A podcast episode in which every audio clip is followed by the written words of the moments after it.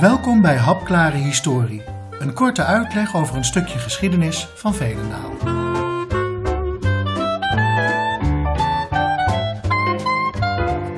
Deze lezing gaat over de watersnood in 1855.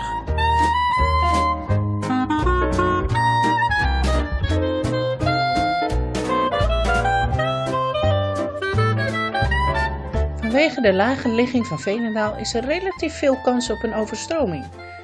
Toch is het al heel wat jaren geleden dat we voor het laatst een overstroming meemaakten. De laatste overstroming waarbij ook slachtoffers vielen was in 1855. Dit jaar precies 165 jaar geleden. Hoe kwam dat zo? De winter van 1854 was eerst vrij zacht, maar half januari 1855 begint het in heel Europa stevig te vriezen. Na twee weken begint het te dooien en het water in de rivieren stijgt onrustbarend snel. Half februari breekt er dan een nieuwe vorstperiode aan. Dat lijkt goed nieuws, want men hoopt dat de waterstanden daardoor zullen dalen, maar dat valt tegen. En dan gaat het eind februari wel dooien in Duitsland, maar nog niet in Nederland.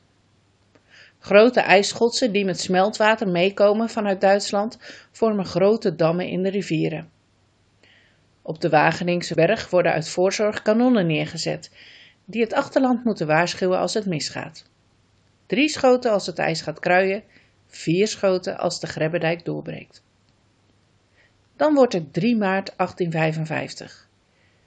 De eerste drie schoten klinken vanaf Wageningen. Het ijs is in beweging gekomen. Twee spannende dagen later, op 5 maart, om half vier middags, klinken de voor Veenendaal gevreesde vier schoten. De dijk is gebroken en het water stroomt snel via de Nude bij Wageningen en Achterberg naar Veenendaal. Naast de waarschuwing van de kanonschoten wordt er ook een eilbode te paard naar Veenendaal gestuurd. Die mensen moet waarschuwen dat ze hun huizen moeten verlaten en veilige gebieden moeten opzoeken. De klok van de kerk op de markt kleppert onophoudelijk en de inwoners haasten zich naar de hoger gelegen gebieden bij de kerk, de oude molen in de Molenstraat, de Vendel en de heuvel bij de Nieuwe Molen. Nu is Veenendaal niet de enige plaats die getroffen wordt. Boven de rivieren zal het water uiteindelijk Amersfoort en de Zuiderzee bereiken. Ook onder de rivieren zijn er dijkdoorbraken. Het land van Maas en Waal, de Betuwe en grote delen van Noord-Brabant en Gelderland worden getroffen. In Dreumel verdrinken zes mensen, in Lid zeven. In Veenendaal komen op 8 maart zes mensen om. Het gezin van Wijk, vader, moeder, acht kinderen en een opa, proberen met een boot over de Kerkenwijk richting Amerongen te varen. Ter hoogte van de stationssingel slaat de boot om. De inzittenden kunnen niet zwemmen. Opa Jansen, 70 jaar oud, en de kinderen Geertrui van 17, Cornelis van 14, Hendrikje van 11, Gerritje van 4 en baby Jacob van 17 maanden verdrinken allemaal. Vader, moeder, de drie andere kinderen en de schippers weten zich te redden door zich aan een boom vast te houden. Ook in Gelders-Veenendaal komen minstens twee mensen om, maar hun namen zijn helaas niet meer bekend. Koning Willem III haast zich naar het rampgebied. Op 7 maart bezoekt hij Veenendaal en zegt 1000 gulden toe voor de hulp, 250 voor Renen en 750 gulden voor Veenendaal. Voor die tijd een enorm bedrag. De koning is vooral getroffen door de situatie in de kerk op de markt. Vele inwoners zitten hierop ingepakt en de omstandigheden zijn slecht. Er is bijna geen eten en geen geneeskundige hulp. Er wordt een commissie opgericht die regelt dat deze slachtoffers overgebracht worden naar Utrecht. Op 10 maart bezwijkt ook de Slaperdijk. De koning komt terug naar Veenendaal en neemt persoonlijk deel aan het uitdelen van hulpgoederen. De overlevering wil dat een raadslid het uitdelen van suiker te luxe vindt voor de armere inwoners. Waarop de koning hem toegevoegd zou hebben: Kerel, je was het waard dat ik je voor je kop schoot. De Veenendalers die naar Utrecht gaan, worden ondergebracht in de leegstaande Geertekerk. Aan de ene kant is een afdeling voor de mannen en aan de andere kant een afdeling voor vrouwen en kinderen. In het midden is een gemeenschappelijke ruimte waar twee kachels staan en waar ook gezamenlijk gegeten wordt. Ook is er een wasruimte. De eerste evacuees arriveren op 11 maart per trein in Utrecht.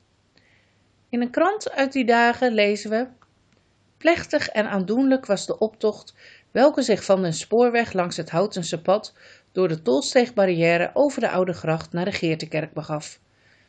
Een ontelbare menigte volk was op de been, onder welke een stilte op te merken was, getuigende van de eerbiedwaardige meewarigheid met de ramp welke een naburige gemeente getroffen had. De groep van 418 mensen komt rond 6 uur s middags in de kerk aan. Daar worden ze eerst toegesproken door een lid van de commissie en daarna krijgen ze warm eten. Iedereen wordt geregistreerd en krijgt een nummer en de zieken worden meteen naar een ziekenhuis gebracht. De volgende dagen blijven de evacuees een bezienswaardigheid. Al snel plaatst de commissie een advertentie met de mededeling dat niemand zonder toegangsbewijs de kerk in mag. De toegangsbewijzen kosten een paar cent en de opbrengst komt ten goede aan de hulpverlening. Ook mogen de bezoekers geen giften geven aan de Velendalers. Willen ze toch iets doen, dan kunnen ze geld deponeren in een speciale collectebus bij de ingang van de kerk. De kerkzaal is iedere dag open van 8 uur s ochtends tot 7 uur s avonds en op zondagmiddag van 12 tot 5 uur. Duizenden Utrechters maken van de gelegenheid gebruik om een kijkje in de kerk te nemen en uit het hele land stromen giften binnen. Een aantal kunstenaars uit Amsterdam slaan de handen ineen en brengen een boekje met afbeeldingen van de overstroming uit. En ook de opbrengst van dat boek is voor de slachtoffers van de watersnood. In Utrecht is een plaatselijke dokter iedere ochtend om 10 uur in de kerk aanwezig en medicijnen zijn gratis. Het eten blijkt na verloop van tijd toch te rijk te zijn voor de Venendaalse arbeiders en daarom wordt het menu aangepast. Op zondag is er soep, op maandag gort met rode kool en op dinsdag aardappelen met zure kool.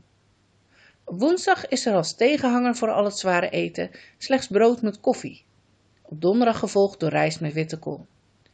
En vrijdag zijn er weer aardappelen, nu met stokvis en tot slot op zaterdag weer gort. Zelfs voor tijdbesteding wordt gezorgd. Mannen kunnen aan het werk in de daarvoor aangewezen bedrijven en vrouwen krijgen brei- en naaiwerk. Jongens krijgen onderwijs in de kerk en meisjes in een naburige linnennaaiwinkel. Er is een vaste dagindeling waar streng de hand aan gehouden wordt. En wie niet meewerkt, kan vertrekken. Al op 17 maart keren de eerste inwoners terug naar Venendaal. Zij worden aan het werk gezet om de huizen weer bewoonbaar te maken. En iedereen die terugkeert krijgt reisgeld en een Bijbel mee.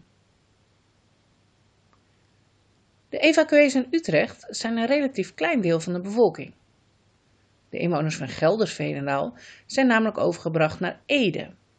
Anderen vinden onderdak bij familie of vrienden in de regio. En de rest blijft thuis en probeert er het beste van te maken. De burgemeester organiseert samen met twee plaatselijke commissies de hulpverlening in het dorp zelf. Op 10 maart 1855 bereikt het waterpeil bij de Rode Haan de hoogste stand van bijna 9 meter boven NAP. Dat betekent dat vrijwel het hele dorp onder water staat. Huizen staan op instorten en degenen die achtergebleven zijn proberen te redden wat er te redden valt. Zo ook Cornelis van de Zandschulp, die in het Ruiserveen woont.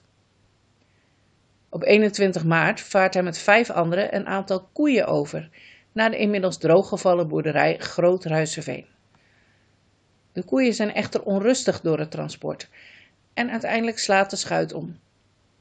Cornelis weet zich te redden door zich vast te klampen aan de staart van een koe.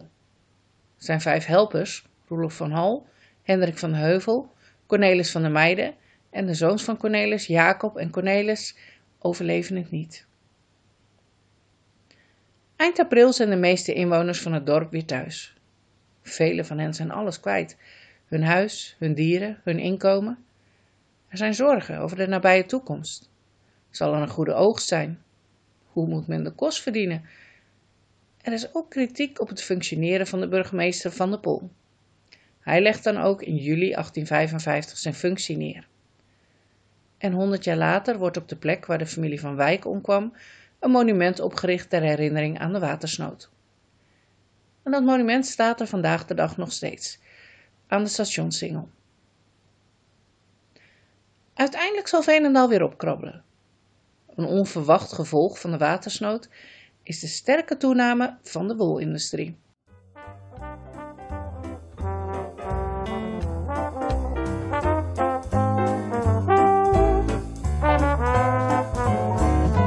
Bedankt voor het luisteren. Wil je meer ontdekken over de geschiedenis van Veenendaal? Ga naar gemeentearchief.veenendaal.nl